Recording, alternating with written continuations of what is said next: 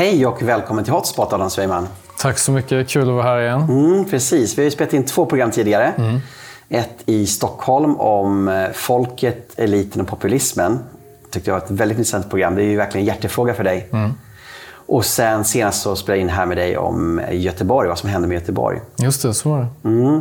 Men jag tänker att vi ska prata om en annan hjärtefråga som du verkar ha och det är det här med brottsligheten. Just det.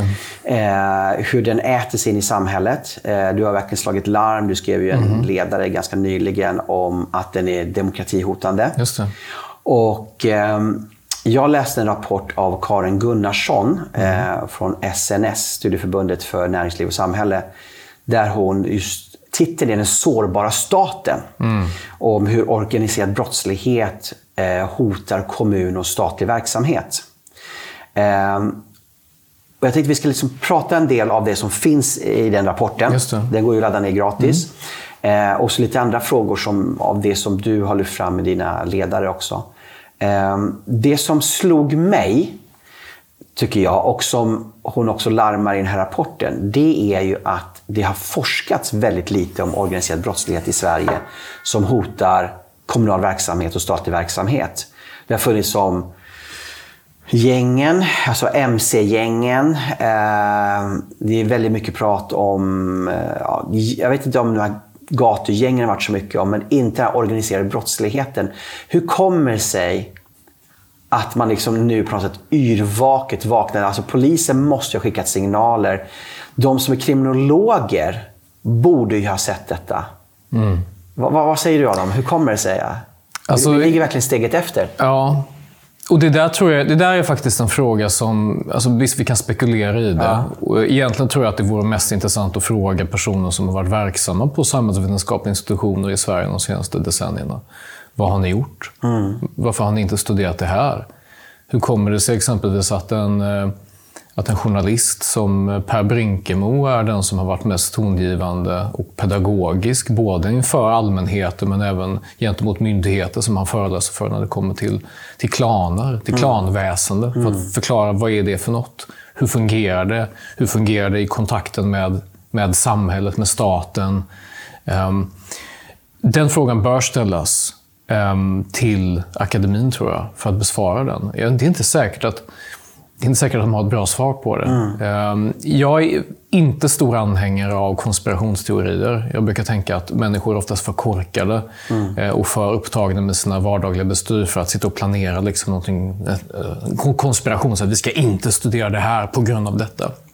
Jag tror det är mer olika typer av bara, det bara händer. Är man in, in, insnöad i något spår? Sådär? Insnöad kanske är fel ord, men att man är på ett spår exempelvis kolla på socioekonomiska möjligen, faktorer möjligen. och sen jag, jag, jag, tror det är så här. Ja. Eh, det, det, finns liksom ett, mycket som har att göra med brottsligheten i Sverige. Med gängen, med klaner, med systemhotande brottslighet, med bidragsbrottslighet och så vidare.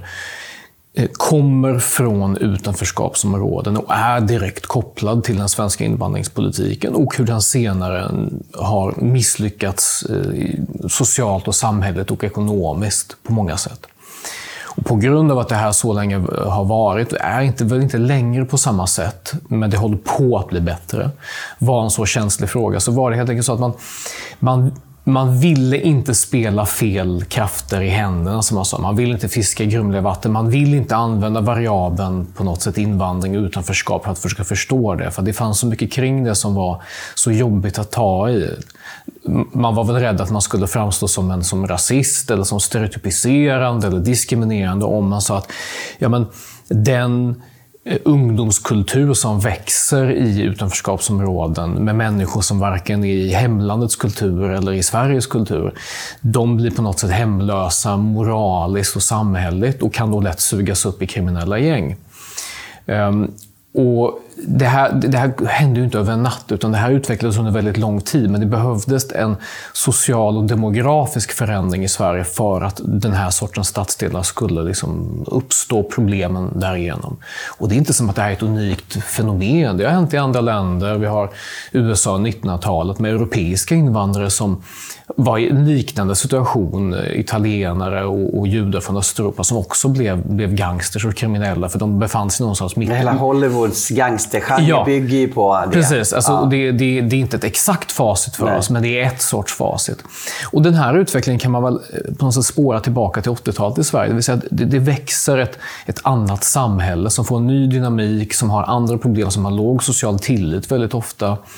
Eh, och ur det växer inte bara den liksom väldigt våldsamma gängkriminaliteten med ligor som har blodsfejder, utan även bidragsbrottslighet eh, och många andra sociala problem som hedersvåld och så vidare, som tillsammans bildar på något sätt hela samhällen inom Sverige som i sin tur kan vara men både fungera och inte fungera. Det är inte bara negativt förstås.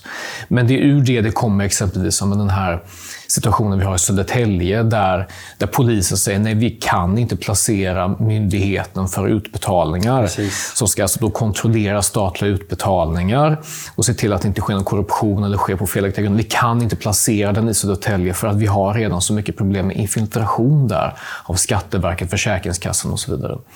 Och det här är ju något annat än ett par bråkiga killar som säljer lite knark och skjuter varandra för att de, är, de liksom har fejder och, och så kallade turf wars, det vill säga att de kämpar om geo- geografiska områden.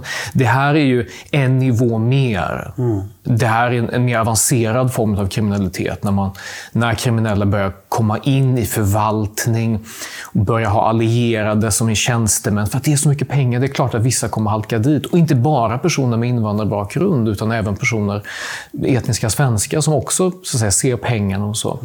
Det har blivit och vuxit till sig till att det har blivit ett så stort problem att nu är det nästan mindre intressant att säga vad berodde det här på. Nu måste det bara lösas.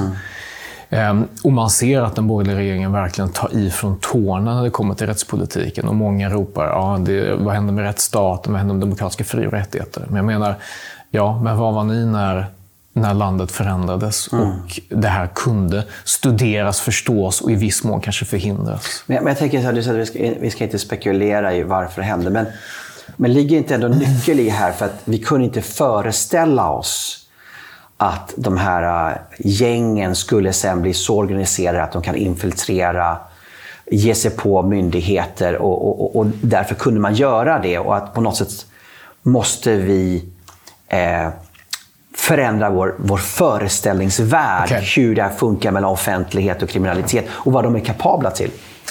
Jag tror att om det är någonting man i så fall ska lära sig, om, om man ska spekulera i varför, varför akademin inte studerade det här tillräckligt väl, varför politiker undvek frågan, varför journalistiken också i viss mån lämnade walkover och inte, och inte studerade det här tillräckligt väl och försökte förklara, försökte hitta kausala samband. Vad är det som leder till vad och så. Om man nu ska, ska spekulera i olika lära inför framtiden så tror jag att vad som krävs är en sorts radikal öppenhet och nyfikenhet.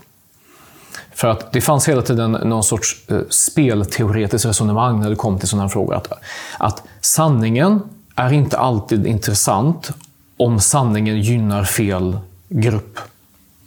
Det vill säga, det blev en, en god och ond dikotomi mellan är du, är du god, då, då ska du tycka att, att all invandring är positiv. Det, är- du ska inte klaga på det, liksom, du kan kratta lite marginal. Men liksom, det, är ingen, det är ingen stor grej. Och är du ond, då är du pessimist, negativ, liksom, samhällskollaps, hela den grejen. Och när människor placerar sig på det sättet, liksom, det är klart att ingen försöker placera sig som ond, liksom, men när man ser på världen på det sättet, då försvinner allt vad den här radikala nyfiken är, nyfikenheten är. Därför att akademiker och journalister och folk i offentligheten bör vara rätt ofta rätt konsekvensneutrala. Det vill säga att, att eh, vi utforskar världen så som den är, inte så som vi önskar att den är. Eh, Och det gäller även för mig som ledarskribent. Jag driver opinion i frågor. Jag försöker få till förändring ibland. Eh, Men, men, men framförallt drivs jag av att försöka förklara världen så gott det går. Men det här måste skapa utstötningsmekanismer om det du säger är, Mm. stämmer och, och vad ju många kanske drar slutsatsen kring att skulle du då lyfta frågan så blir du utstött Ja. i ditt sammanhang Precis. och därför vågar ingen ta i det här utan man anpassar sig efter gruppens eh, eh, dominerande tanke. Precis. Det har varit en, stor, en hög social kostnad och vi är ett litet land där det, man känner man har ingen reträttposition. Och det här gäller i en rad olika områden, vare sig det är liksom feminism eller inom, säg, museivärlden, om man inte jamsar med det rådande paradigmet när det kommer till liksom inkludering och mångfald och så vidare. Det har funnits en väg och det har liksom beskrivits som värdegrunden, den enda goda vägen. Ja, på det var, Carl Bildt som sa det, den enda rätta polit, politikens väg. Precis. Det har varit väldigt kategoriskt under väldigt lång Ja. tid. Ja.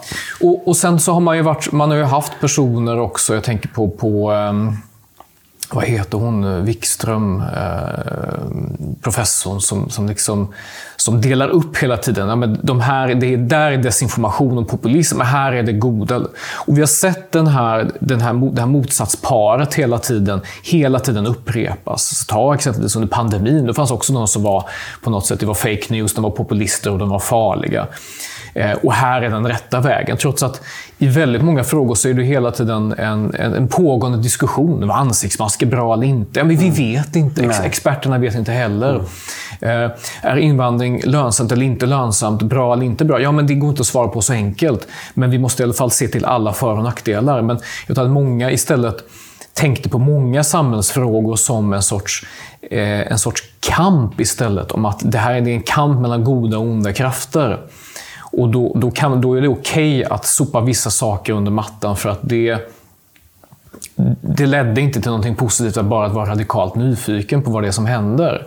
Och jag tror att hade man tidigt, både från vänster till höger, varit mer bara fördomsfri, bara sett att okej, det händer saker i de här i utanförskapsområdena som, som nog inte är bra för sammanhållningen. Alltså, det är nog inte bra att vi har eh, liksom närmare 100% personer med utrikes bakgrund i en, liksom, i en stadsdel. För att vad händer med svenska språket där? Även för de som är födda i Sverige.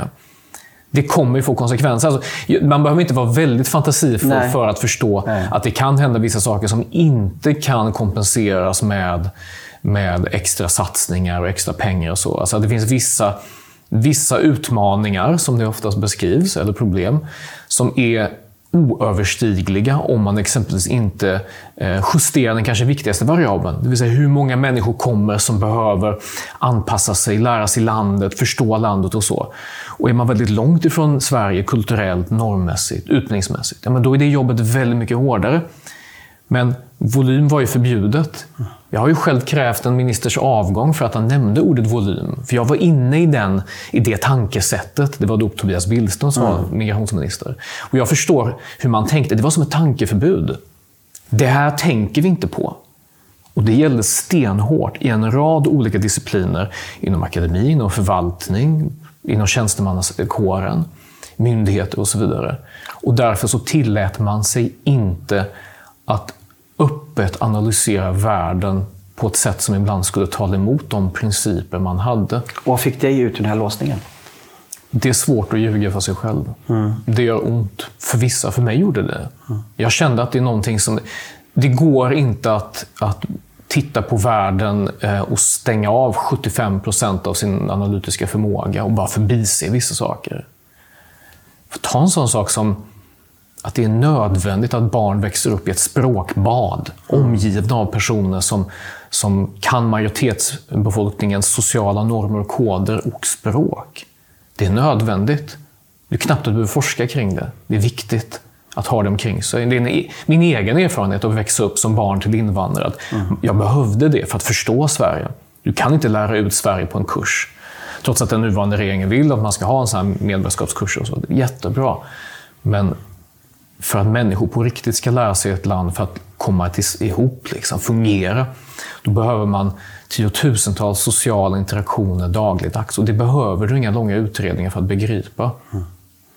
Så det här var det som kanske är de största faktorerna som möjliggjorde. För det är all, alltid som du nämner då, när man kommer en stor invandrargrupp till ett nytt land så är det alltid en social oro. Det gäller, gäller svenskarna också. Både svenskar Ja, och ja, finländare absolut. var ju väldigt mycket det var superi och slagsmål. Ja, Ja, ofta i fängelse i USA. Eh, men, men vi har spett på det här genom att vända liksom blindögat till de, de Ja. problem som finns. Vi har inte ens erkänt det, utöver vad som skulle kommit av naturliga och att det kommer en väldigt stor grupp människor som är, ja, Mm. inte har kommit in i samhället ännu. Ja, och och jag, jag har försökt förstå den här dynamiken, var, hur man kan göra så här. Och det, det är ju en sorts social mekanism. Att man vill inte se vissa saker. Man hjälper varandra att inte se vissa saker. Det är inte så att någon, tror jag, nödvändigtvis säger att det här får du absolut inte göra, även om det säkert har skett också. Utan det är bara det att det, det är någon sorts... Svenskar kan också vara väldigt konflikträdda. Och det finns en, en kultur... Grupptryck? Eller? Grupptryck. Det finns också en, en kultur av, liksom, av skuld. Att man vill väldigt gärna vara bra och god och, mm. och inte, liksom, inte kasta in en brandfackla i samtalet. Man vill helst vara enig under mötet. Det ska vara konsensus och så. Och det, vi är inte ensamma om det. Mm. Uh, uh, och Sen tror jag också att ideologiskt så har man uh, den radikala nyfikenheten som jag tycker är viktig. Det vill säga att man är radikalt nyfiken på vad händer i ett utanförskapsområde? Vad innebär en klan? Vad är kulturkonflikten liksom, som äger rum? När funkar det inte? Vad är det vi inte förstår med varandra? Man har, man har istället för att, för att eh, lära sig saker som kan vara smärtsamma att inse, så har man skjutit det hela tiden lite grann åt sidan och ersatt det med en sorts ideologisk bild av samhället. Att ja, men vi är en sorts regnbågskoalition av harmoniska grupper och alla får vara precis hur de är. Och, och om det finns några problem, ja, men då är det för att vi inte satsat tillräckligt mycket eller för att det är, det är ondskefulla rasister som håller människor vid sidan av samhället eller något sånt där. Och man har, man har inte Ja, det var sociologen. Har man känt sig cynisk då? Om man har varit mer realistisk? Att man då på något sätt, ja, men då är en cynisk människa. För, för svenskar är det väldigt viktigt att inte hur det är, utan hur man vill att det ska vara. Hur ja. det bör vara. Att det finns en intention. Din intention är väldigt viktig. Eh, och, och, att det återspeglas i din åsikt. Men jag vill att det ska vara så här. Jo, jo absolut. Ja. Och det, vi, vi, kanske, vi har ju varit lite av en skyddad verkstad ja. i, i, Sverige. Ett land i, i fred och frihet och kunnat liksom, utveckla vårt samhällsprojekt under väldigt lång tid. Men men nu är vårt land förändrat fundamentalt och den förändring som ägt rum i Sverige de senaste tre decennierna, det är den största förändringen av det svenska samhället sedan eh, demokratiseringen, urbaniseringen. Det vill säga när Sverige gick från ett, ett agrart samhälle till ett, till ett eh, demokratiskt, urbant samhälle. Och det skedde på två, tre generationer, den, den förändringen, för ungefär hundra år sedan. Det, det här är den andra stora förändringen av Sverige i modern tid. Det går inte att underskatta hur stort det här är och hur, hur många generationer under hur många generationer det här kommer påverka Sverige. Under hela din och min livstid kommer det här vara en fråga. Ehm, de sociala problemen kommer i någon form att kvarstå. Den systemhotande brottsligheten kommer inte försvinna bara för att man burar in människor. Jag kan sympatisera med att man har hårdare straff, men det är inte någonting som hjälper på sikt. Det är ett sätt att akut lappa och laga. Och den här förändringen kommer vi att känna av och det kommer också förändras på andra sätt för att vi tänker ofta att den, här, den organiserade kriminaliteten det är ett uttryck för, liksom, det händer i stora förorter i Malmö, Stockholm, Göteborg. Men det här finns i hela Sverige i stort sett. Mm. Um, och kriminellt belastade klaner finns även i mellan små orter och städer där polisen inte är lika stark. Där kommunerna kan vara mycket svagare och kan vara lättare att påverka. Och I och med att vi har byggt upp ett högtillitssamhälle med politiker som är väldigt nära folket och så, tjänstemän som är nära folket också, i små kommuner. Det är demokratiska institutioner som är lätt påverkbara och är lätta att infiltrera. Och om jag är någon lokalpolitiker eller tjänsteman någonstans så tänker inte jag, eh, så att säga, jag ska inte offra mig själv och min familjs trygghet om någon hotar mig. Utan jag skulle ge med mig. Jag förstår det. Här i Göteborg har vi de problemen att tjänstemän helt enkelt, varför ska jag offra mig för, för liksom, att anmäla och sånt där? Jag vågar inte. Mm. Och, och, det kanske är så stora problem att det gör ändå ingen nytta. Det enda det gör att det sätter mig under, under en hotfull situation. Precis.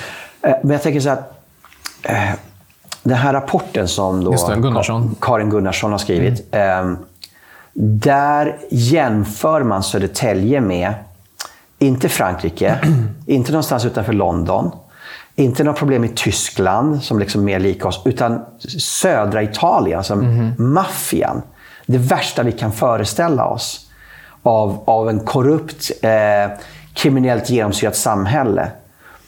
Det, det, det visar ett otroligt allvar. Alltså det, mm. det, jag blev lite omskakad när jag läste det. Liksom, är, det här, är det här det mest relevanta, det mest lika som vi kan jämföra Södertälje med? Är liksom maffiagenomsyrade Italien?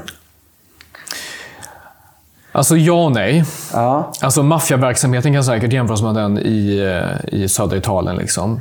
Eh, samhället i södra Italien är betydligt fattigare än vad, vad Södertälje är. Men, men om vi tar maffian, bara den. Så definitivt, i dess omfattning, i dess våldskapital, ekonomiska kapital, i dess diversifiering ekonomiskt. Som jag sa tidigare, det här är inte bara personer som skjuter varandra och säljer knark och ägnar sig åt häleri, utan det här är personer som ägnar sig åt bidragsbrottslighet, som har eh, försänkningar även inne i myndigheter, uppenbarligen. Eh, och det är också så här, vi vet inte omfattningen. När eh, den här Encrochat-läckan eh, skedde, det vill säga när eh, fransk polis tillsammans med många andra polismyndigheter i Europa öppnade upp Eh, de här, eh, de här krypterade chattarna, så insåg polisen att aha, det var tio gånger mer i volym, alltså eh, knark, som det handlades med och smugglades än vad vi trodde. Så att trots att vi kan ha en, en välfinansierad och duktig polis, eh, offentliga myndigheter, liksom statliga myndigheter som arbetar väldigt intensivt med de här frågorna, så är det så här, vi kanske inte ens kan föreställa oss hur allvarligt det är. Jag, jag skrev för några år sedan om, i ett helt annat ärende om någonting jag kallar för liberaliseringsparadoxen. Det vill säga att när du liberaliserar ett visst område, mm. må det vara säg, friskolor eller skolområdet, du gör en skolmarknad eller du släpper in mycket människor, du liberaliserar gränsen. Så kan du paradoxalt nog i ett senare skede behöva reglera mer än vad du reglerade innan. För att hantera konsekvenserna av att liberaliseringen på det området kräver en återreglering. Går det för fort när liberaliseringen kom? Jag tänker på när Sovjetunionen föll så blev ja. det ju väldigt liberalt, ekonomiskt, marknadsekonomiskt mm. i, i, i eh, det som blev Ryssland sen. Och det där vakuumet fyllde ju sen då de kriminella som fanns där hela tiden. Eh, låter vi det här gå för fort? Ibland, det går inte helt att jämföra för att i, i Sovjetunionen, det som kommer att bli den ryska federationen, så saknades några som helst institutioner som kunde liksom hantera konsekvenserna av, av liberaliseringen. Alltså det var nödvändigt att släppa prisregleringen på bröd, liksom, exempelvis. Mm. Eh, men visst, det fanns enorma problem där med liberaliseringen. Vad som hänt i Sverige att när man öppnar exempelvis friskolemarknaden, så eh, öppna upp det för en marknad helt enkelt. Då kunde man nog inte föreställa sig att exempelvis kriminella aktörer skulle ge sig in på den marknaden eh, via bulvaner och, och sen dränera företag. Man väntade sig inte att religiösa extremister skulle ägna sig åt, skolor. Det var liksom inte det man tänkte sig. För Man tänkte så att ja, men det blir ökad produktivitet, effektivitet, innovationer, intressanta nya perspektiv. Det var det jag tänkte också. Mm. Um, och, och, Det kanske funkar i ett superhomogent samhälle med hög social tillit, liksom hög social kontroll, liksom en norm som gäller hela samhället. Då, det är klart, vissa kommer utnyttja en liberalisering mm. i ett sånt samhälle också. Men har du ett väldigt heterogent samhälle med människor som kanske har väldigt låg social tillit, som kanske skiter i samhället i, i allmänhet, som bara försöker liksom berika sig. Då kommer en liberalisering att utnyttjas. Och samhället måste, och då blir ju på något sätt majoritetsbefolkningen i Sverige lite förvirrad. Så, ja, men vad ska vi göra nu? Liksom? Ja, men mer kontroller. Om det är problem med religiösa extremister som driver friskolor, då ska Skolinspektionen få ännu mer pengar och kontrollera ännu fler skolor.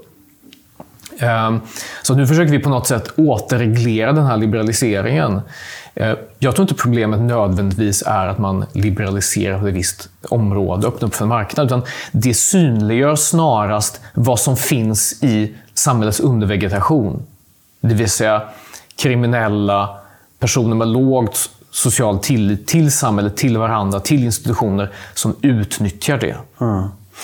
För, för det, det, finns ju kritik här i att liksom det är new public management och att man liksom konkurrensutsätter den kommunala verksamheter, öppnar upp för privata mm. aktörer.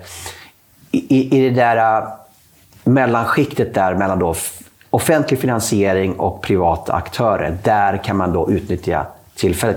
Men vad är alternativet? Liksom, tillbaka till socialismen igen? Nej, men jag tror inte det. Och jag tror egentligen inte att alltid att eh, liberaliseringar per definition blir, eh, inte fungerar. Visst, du kan utforma dem på bättre respektive sämre sätt. Mm. Jag säger inte att alla liberaliseringar alltid fungerar. Man måste alltid se hur man genomför dem och så vidare. Men det synliggör någonting. Mm. Det synliggör någonting som redan finns där. Att en person, ta exempelvis LSS-bedrägerier, det vill säga att man, man, eh, assistansersättningar. Att om, man, om någon säger att ja, men här finns ett system jag kan utnyttja hur mycket som helst. Då kommer ju kriminella att diversifiera sina, sina inkomster. De kommer ju köra även sånt här. De kommer köpa, eh, skapa skalbolag, anställa släktingar eller någon bulvan och så kommer de dränera företag på pengar och så vidare. Eh, problemet är ju att Sverige är ett, eh, sam, ett samhälle som inte är ett, utan är flera parallella samhällen som har växt upp. Och där det finns personer som inte ser alla möjligheter som Sverige erbjuder. Gratis utbildning, gratis eh, sjukvård. Den är inte gratis, men du förstår vad jag menar. Mm. Som inte går den lagliga vägen. Som säger, här finns ett samhälle man kan utnyttja. Mm. Här finns ett samhälle som man kan, man kan liksom åderlåta på pengar. Vadå, offentligheten bara öppna upp skattkistan. Mm.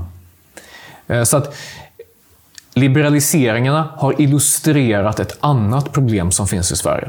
Men det innebär att liberaliseringen också blir ett problem det kanske inte går i ett sånt här samhälle längre. Mm. Att göra vissa av de eh, försök med marknaden. Och vad, vad, vad, är nyckeln då? Jag vet är det att egentligen att montera ner välfärdssamhället, sänka skatterna och, och för det blir ju mindre då möjlighet till att dränera en statskassa och mindre fördelas också. Eller så måste du ha en extrem kontroll.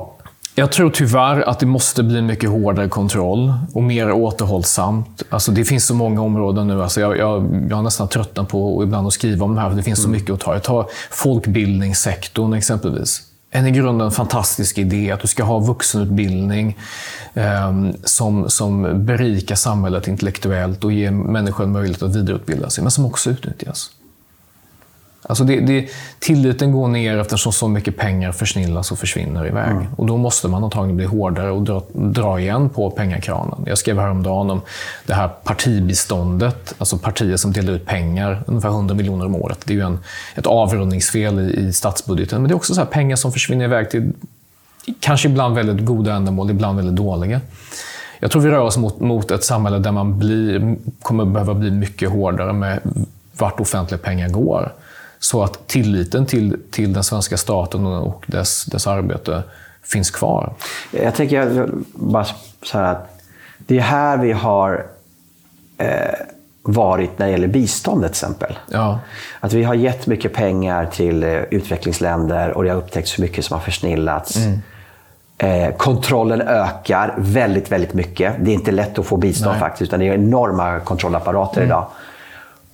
Och sen efter ett tag så blir egentligen allting ifrågasatt. Hela liksom biståndet blir ifrågasatt. För det är en, det är en biståndsdebatt mm. nu som bara växer till. Att ja. Frågan ska, ska vi ge bistånd? Eh, kan det bli likadant med, eh, med just de här bidragen till folkbildning som du nämner, ja.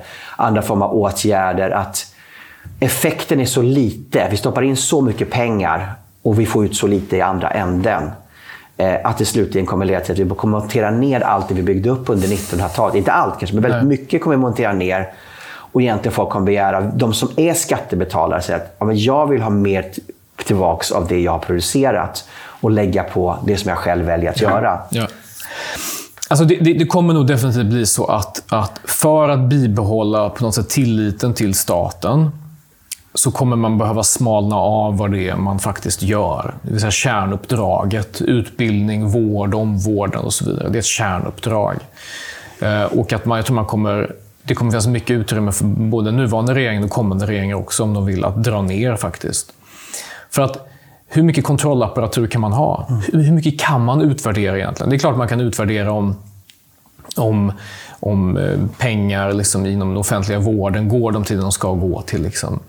Men hur gör man med studiecirklar? Hur gör man med eh, familjer som, som eh, söker bidrag för att ta hand om eh, omvårdnaden om familjemedlemmar? Alltså, kontrollapparaturen i Sverige för att kontrollera alla pengar som, som lämnas ut, den kommer ju svälla. Hur mycket då?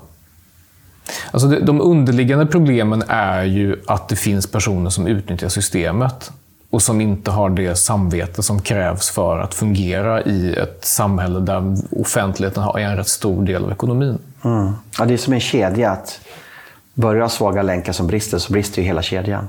Precis. Ja. I ett högtillitssamhälle, då, då, då kan man hantera den på marginalen grupp mm. människor mm. som är liksom patologiskt, eh, patologiska bedragare och som alltid kommer försöka försnilla pengar. De finns ju alltid. Det finns i alla samhällen, alla kulturer, alla befolkningar. Mm. Det, det ena det blir ett större problem liksom, när man inte vet var pengar försvinner. Mm.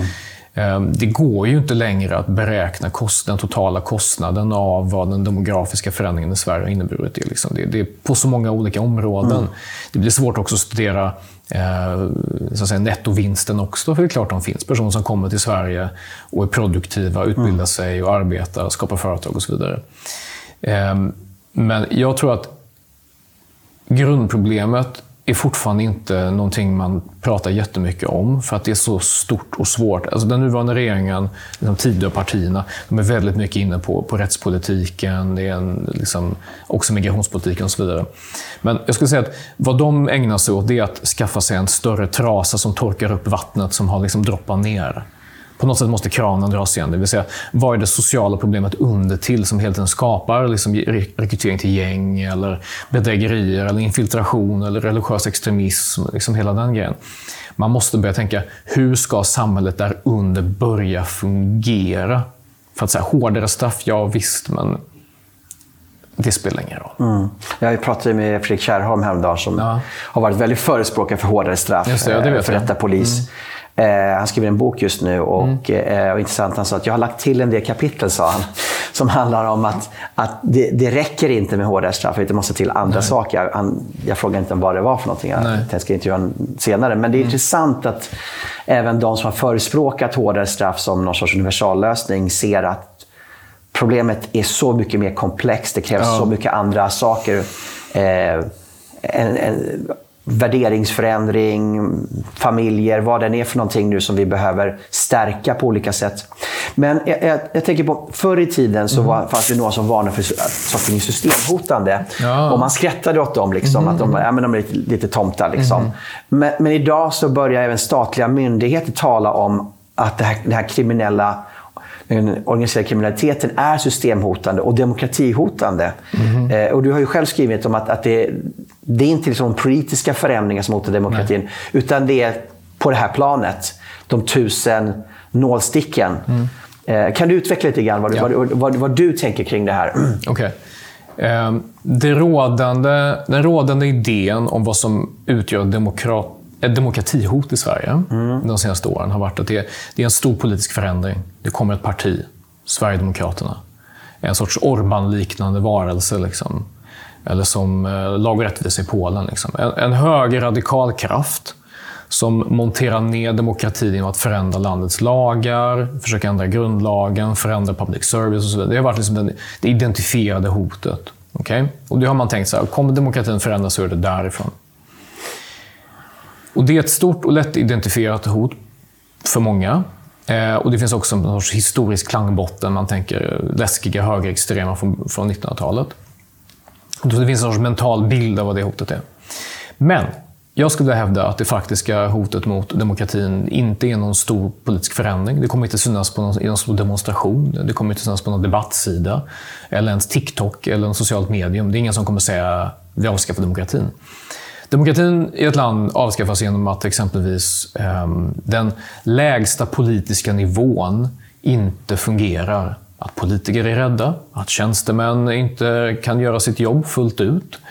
Eh, utpressning, eh, manipulation. Det som är korruption helt enkelt. Det är demokratihotande. Det är inte det här stora som händer var fjärde år när vi går till valurnan, utan det som händer däremellan. Ehm, fuskar någon till sig ett, ett bygglov eller liknande? Ehm, fungerar institutionerna som utgör demokratins arbetsredskap? fungerar de? Mm. Och jag skulle säga så här, de fungerar utmärkt på många, i många delar av landet. Eh, men demokratin och demokratihoten i Sverige är väldigt ojämlikt fördelade. Jag säga att det, det är, I Södertälje så växer man upp med en annan, ett annat Sverige än man växer upp i med på Öckerö, eller i, i, i Kungsbacka eller Danderyd. Eh, så att, och det här blir svårt att identifiera. Mm. När eh, en, ett demokratiskt system börjar på något sätt rosta lite i kanterna, där man inte ser, liksom, någonstans i underredet av samhället. Det är där det rostar bort. En sakta tillvänjning då av människorna på orten, Precis. folket som jobbar på myndigheterna. Ja, och, och, och de som jobbar närmast problemen, de vänjer sig också förstås. Ja. Liksom. Man kan också vänja sig vid att det inte riktigt fungerar, men att vi gör vårt bästa och det är många mm. goda människor som gör vad de kan och så vidare. Mm. Och så. Ehm, och jag betvivlar inte att det, vi har fortfarande en väldigt välfungerande förvaltning som är välfinansierad. Sverige är ett rikt land och vi har kapacitet att ta rätt många smällar. Men om vi nu ska snacka hot mot demokratin så är det ju definitivt exempelvis om, om skolor inte fungerar och barn inte får eh, tillräcklig utbildning, inte förstår det svenska samhället tillräckligt väl.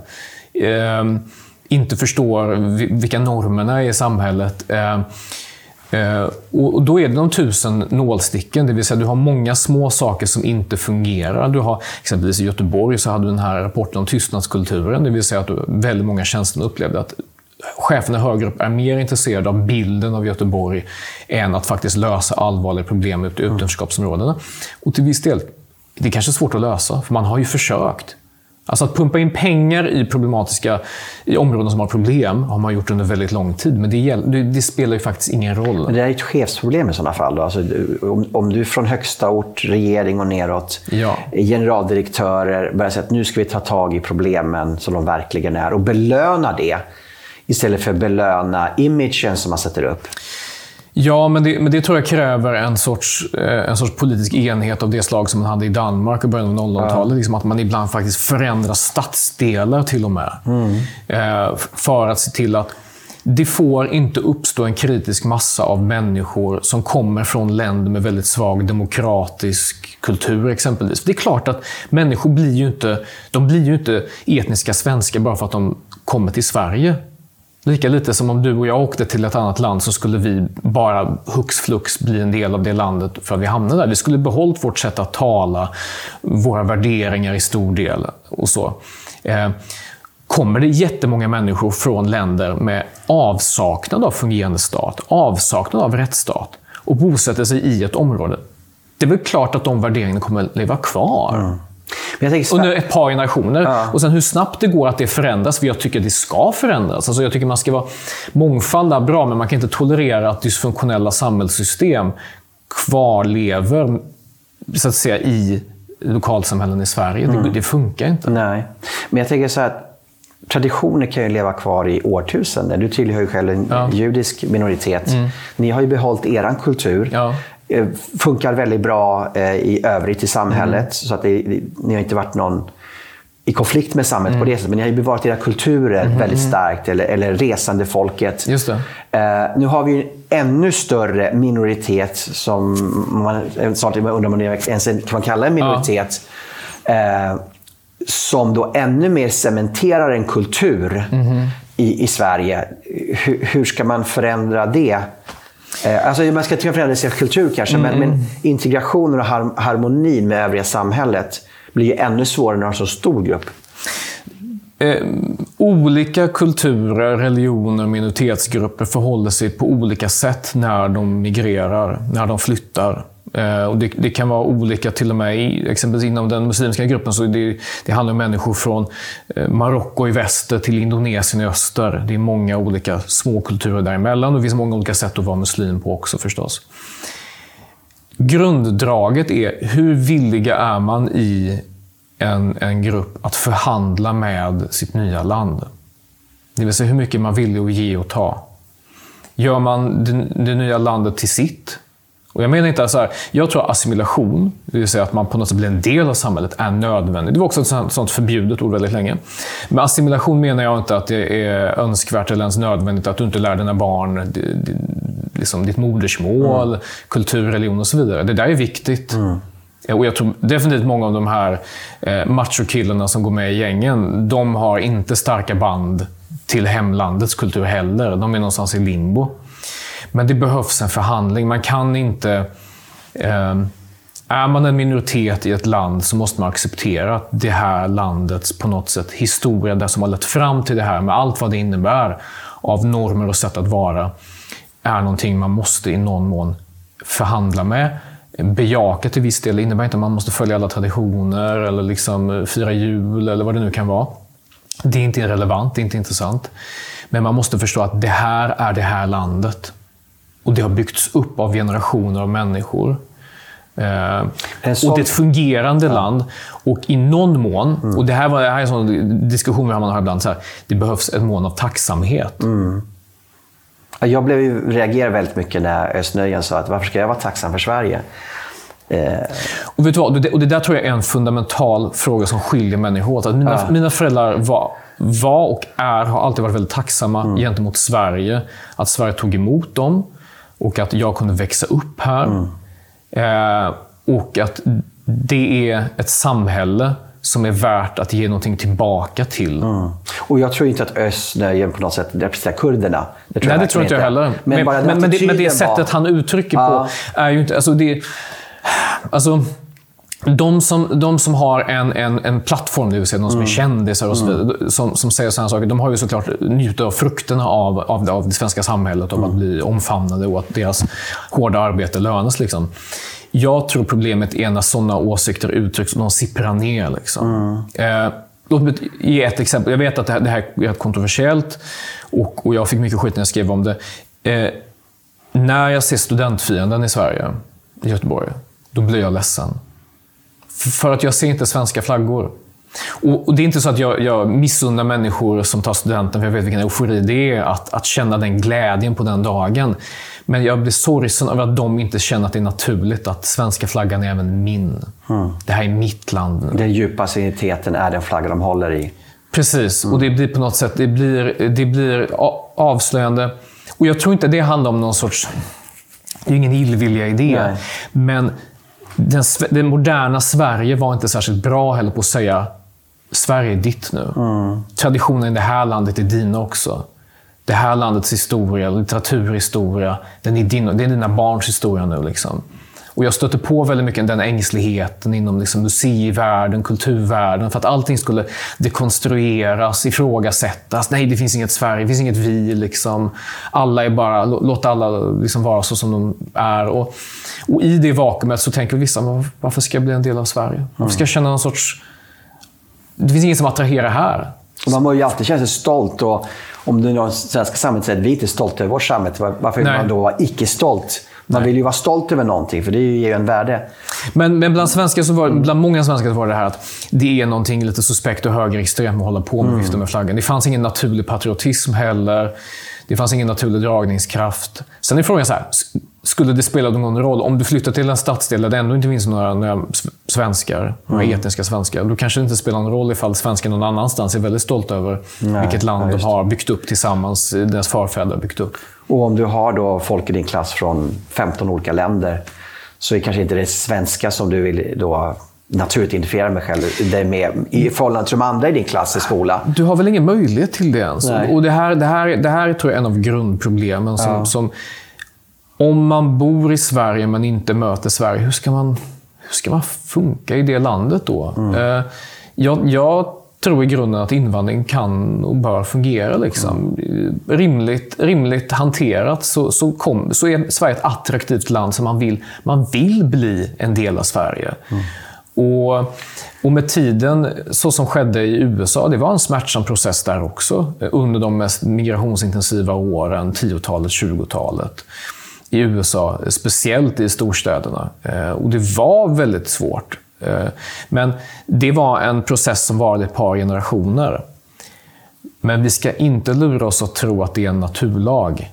Men jag tänker, att det blir så. Nej, men sen var det också att i USA fanns ju en framtidstro som man kunde haka tag i. Men det gör det väl i Sverige också? Gör det inte det?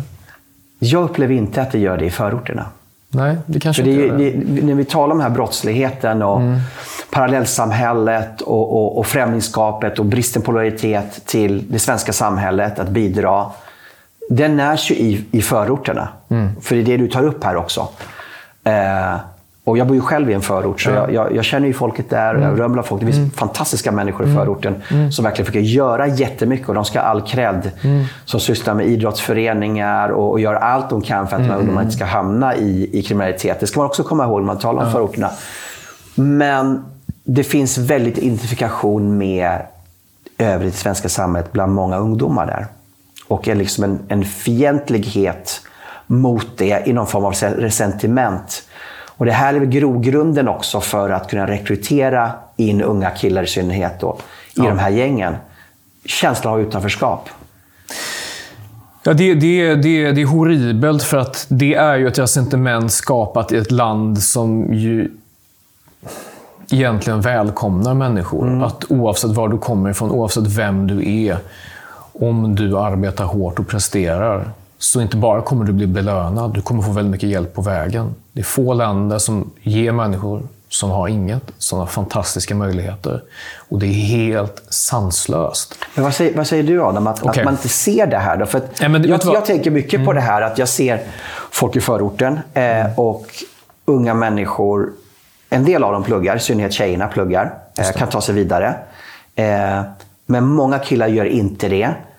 Eh, ser inga möjligheter, ser att de är dömda på förväg fast du har gratis utbildning. Du kan bli, bli vad som helst. Det som i ditt hemland krävde att dina föräldrar var rika för att du skulle bli advokat eller läkare. Mm. Det har du alla möjligheter i Sverige att göra gratis. Men ändå från första början så har man en mentalitet av att jag har inga möjligheter, jag är dömd på förväg.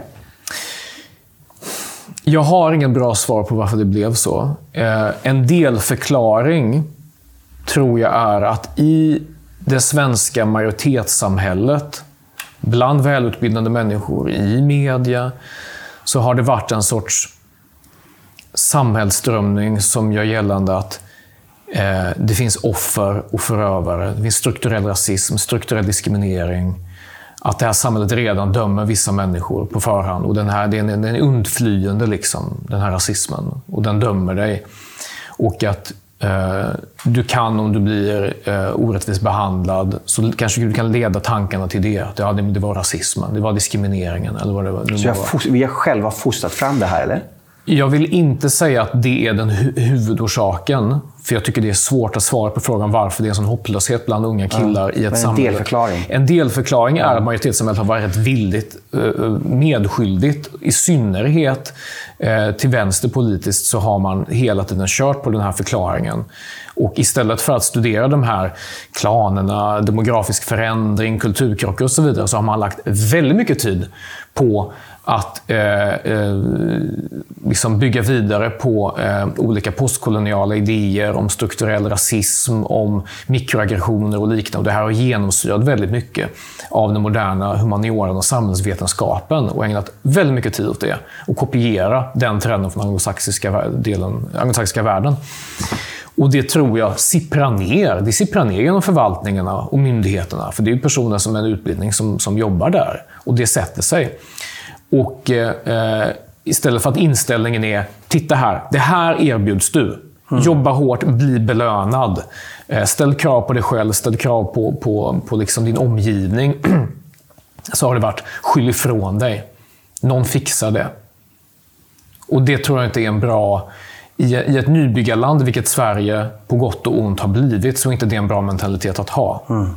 För Sverige är ett nybyggarland mm. med människor som, som kommer med noll ekonomiskt kapital många gånger och ibland också svagt socialt kapital, det vill säga kort utbildning eller ingen utbildning. Man måste bygga upp allting på kort tid. Och det är inte kul och det är svårt. Mm. Uh, Men de kommer ju alla med en dröm och de har tagit sig hit. Så att det finns ju en drivkraft hos de här människorna från början. Ja, och, det, och den måste ju näras på något vis. Mm. Jag upplever inte att det svenska samhället har varit bra på att på något sätt ha den här nybyggarmentaliteten. Um, utan det har varit väldigt mycket omhändertagen och så vidare. Och det här, jag, jag skrev en bok för, för ja, mer än tio år sedan som heter Välviljans rasism, som mm. handlar, handlar lite om det här. Den här omtanken liksom, om de stackars offren. Liksom, och allt kan förklaras med rasism och så vidare. Och Det ska vara mångfald och annat. Man liksom hela tiden kvarhåller människor i en offerroll, den eviga invandraren, den eviga liksom, rasifierade och så vidare. Istället för att ha liksom, en sorts färdplan. men du är på väg in i någonting. Det är inte rimligt att tala om mig som liksom, ja, men invandrare eller barn till invandrare. Kategorin är inte tillämplig längre. Um, jag tror att de här olika idéerna, som numera lite slarvigt beskrivs som hela de här woke-idéerna, alltså de har varit oerhört skadliga. I vilken utsträckning det har sipprat ner i någon sorts bastardiserad form ner till liksom killar i orten på något sätt har det väl gjort det, men det är inte en huvudförklaring. Nej, men jag tänker så här. Nybyggaranda, om jag får lite elak så tänker jag så här. Ja, men Sverige är ett Klondike nu för kriminell verksamhet. Ja, det, man har ju blivit ny, mm. nybyggare där. Man verkar ju väldigt innovativ och, och lyckas mjölka staten. Så att, så att när, när kraften verkar finnas kvar där, men det är på ett väldigt destruktivt sätt. Absolut. Jag tror att du nämnde här i en av ledare att det är 14,6 miljarder som, som försvinner i bidragsbedrägerier i Sverige. Mm. Och i Finland har man bara 100 miljoner. Mm. Eh, dels, jag kommenterar den, den volymen av pengar, men också skillnaden. Varför är skillnad i Finland mot Sverige? Vi är grannländer, vi är mm. samma kultur på ett sätt. Ja. Sverige är ett större land, så på sätt och vis så är liksom, i absoluta tal så kommer det bli... Ja, du kan fördubbla det då. 200 miljoner Absolut. jämfört med 14,6. Ja, det är fortfarande liksom en, en mindre än en tiondel. Ja. Liksom. Eh, nej, men det är ju för att alltså, både Danmark, Norge och Finland har ju helt annan... De har helt annat... De har också problem med utanförskap, men det är inte samma skala. Ser man skillnaden på skalan så förstår man varför det är så mycket värre i Sverige och varför eh, kriminella ligor har blivit så mycket större. Alltså, I Norge och Danmark så man liksom bara så här, man vill inte att det svenska problemet ska spilla mm. över, vilket det gör ibland med gängkriminella som reser över gränserna och så. Liksom. Och vi, är ändå, det är ändå, vi är ändå inom Schengen, EU, så att det är rätt lätt för brottsligheten att röra sig. Och Sen är det ju det här att, att Sverige har varit och är ett väldigt generöst välfärdssamhälle. Och den här fantastiska entreprenörsandan. För det är det. Mm. Det är nog inte lätt att driva ett, ett kriminellt gäng. Alltså. Det är nog väldigt mycket stress och press, liksom, eh, hårda deadlines och bara ingen tackar en och man får inte vila och ingen semester och så.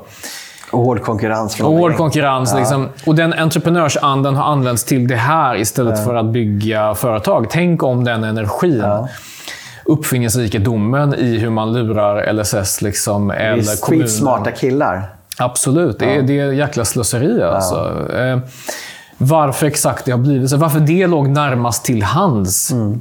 Vet du vad, jag... Jag är fortfarande i processen att försöka beskriva problemet. Jag kan inte ge ett jättebra svar på, mm. på liksom varför, det var, varför all den energin ägnades åt att lura, lura samhället istället för att hjälpa samhället. I grunden så måste det någonstans handla om att föräldrar och värderingar hemifrån och lokalsamhället är bara frånvarande. Per Brinkemo menar ju det att, att det är ju därför att det, de kom från samhällen som inte är tillitssamhälle, där staten aldrig gjort något gott för dem. Ja. Och eh, Han nämner ett ordspråk som Nagin Pekul hade mm. beskrivit, som man har i, i Turkiet, mm. att staten är ett hav som du ska ösa pengar ur. Liksom. Ja. eh, och i, i, Italien säger man att den som, inte, den som inte lurar staten kommer hamna i helvetet. ja. Så att det, liksom, det, är en väldigt annorlunda attityd. Så det, ja, det måste ju också självklart eh, påverka. Mm. Eh, men jag tänker så här, Sverige, Sverige, har ju haft stora reformer tidigare. Mm. vi har haft jordbruksreformer, laga skiften. Eh, vi har haft eh, olika skattereformer eh, flera hundra år tillbaka. Vi byggde upp Demokratiska staten under Axel Oxenstierna. Jag tror att vi återigen kommer liksom komma samman och faktiskt kunna ta itu med det här problemet. För vi har varit duktiga faktiskt på att skapa reformer. Eh... Um, nej. Nej? Nej. Okej. Okay. Jag tror att eh, det, man kommer... Eh, göra vissa saker eh, väldigt snabbt eh, och som kan uppfattas som väldigt radikala, och är radikala. Mm. Förändring av rättsväsendet, polisens befogenheter. Det kommer gå snabbt nu. Um, vår justitieminister är inte särskilt pigg på att hålla på lång, långtidsutreda grejer. Jag förstår honom. Um, men de sociala underliggande problemen som har att göra med kultur, värderingar, normer, som är svåra att komma åt, man håller fortfarande på att fäkta på mot de problemen med medborgarskapskurser och sånt där. Och jag sympatiserar med sådana förslag, men de löser inte det här.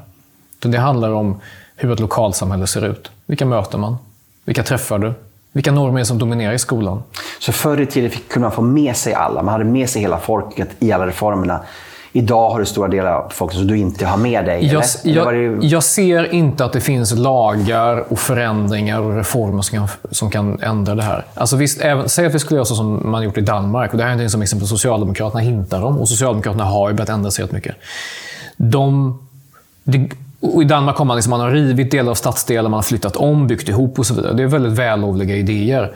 Men det krävs oerhört stor enighet om att göra så radikala förändringar. Och när jag har studerat hur man gör förändringar i Sverige så har jag märkt att man måste verka fram de här sakerna. Så att det som behöver göras, vilket är rätt kraftiga förändringar för att verkligen men, se till att tillgångarna till frukterna av det svenska samhället är jämlikt fördelade i Sverige. Det finns inga politiska quick fixes för det. Det här är en smärtsam process som kommer att ta många generationer och vi måste vara förberedda på det. Så att även om jag tror att vi nu kommer motivera oss mer mm. och kanske kommer finnas en enighet mellan S och de borgerliga och SD. Vi får se. Eh, v, eh, VC och, och MP finns inget hopp om. Eh, så kanske om det finns en samförståndsanda där och man verkligen inser hur allvarligt det är. Men jag, jag vet inte om vi har passerat den punkten då de lägger eh, käbbel åt sidan. Mm. Men det här är vad som sker på den, den, liksom den politiska arenan. Ja. Och där krävs ju en enhet för att ta itu med stora problem. Men om vi ser då vad som händer på marken. Mm. Kommer kriminaliteten växa sig så stark och institutionerna försvagas så att även när politiska viljan finns så går det inte längre att göra någonting åt det. Därför att det starka svenska samhället är så nedbrutet och det, den kriminella har blivit så starka. I vissa... Ungefär som mm. man nu tittar på södra Italien där ja. maffian har varit oerhört men kan, jag vet inte om de har på att bli svagare. Jag, har inte någon större insikt i det. Men... Jag tror att det kommer vara så i vissa delar av Sverige. Men jag tror det ligger i korten att man kommer ha motsvarande amerikansk RICO-lagstiftning. Det vill säga att man kommer ha en lagstiftning där du, om du ens har samröre med gäng så kan du buras in. Liksom. Mm. Eh, och att det förhoppningsvis kanske klipper av huvudet på rätt många eh, av de här organisationerna och därmed kommer de kunna motarbetas. Men jag tror att, att det kommer bli värre innan det blir bättre. Mm. Och så här, alltså, att någonting är systemhotande, det innebär inte att, att det är liksom en sorts postapokalyptisk miljö du och jag vaknar upp i imorgon. Utan det, det, innebär att vissa saker inte fungerar så som de ska fungera och som vi kan förvänta sig att de bör fungera mm. i en kommun. Och Det kommer vara skillnad om du bor i Kungsbacka eller om du bor i Rinkeby eller Södertälje. Det kommer skiljas åt var du bor i Sverige så har du, får du ta del olika mycket av det demokratiska landet Sverige. Men är det, är det liksom naturen som korrigerar sig själv. Vi kom in i ett något humanistisk hybris. Liksom. Vi byggde ja. paradis här i, i Sverige och vi kunde välkomna hela världen hit och alla skulle förvandlas och vi skulle sitta i ring och sjunga mm. Kumbaya. Mm. Men det är inte så människans natur Nej. fungerar. Och Det är inte för att människan är ondskefull. Vi är de vi är och vi är präglade av vår miljö. Så jag tycker mm. inte man ska hålla på och skylla på människor som liksom... Ja, men, de lever så som de har lärt sig att leva. Mm. Liksom. Eh, jag, Men det ursäktar inte politiker som borde förstå detta, som borde vara tillbildade och vidsynt och förstå att förändrar man ett samhälle så är det starka krafter som man sätter i rullning. Mm. Man måste göra det ansvarsfullt. Mm. Just det. Tack så jättemycket Adam Tack så mycket, för det här samtalet. Tiden flög iväg och eh, vi får se vad som händer framöver här. Det är stora utmaningar. Eller problem som vi ska säga nu för tiden istället. Precis. Ja. Tack så jättemycket du som har lyssnat och eh, välkommen tillbaka nästa lördag och dela gärna med dig på sociala medier. Tack så mycket.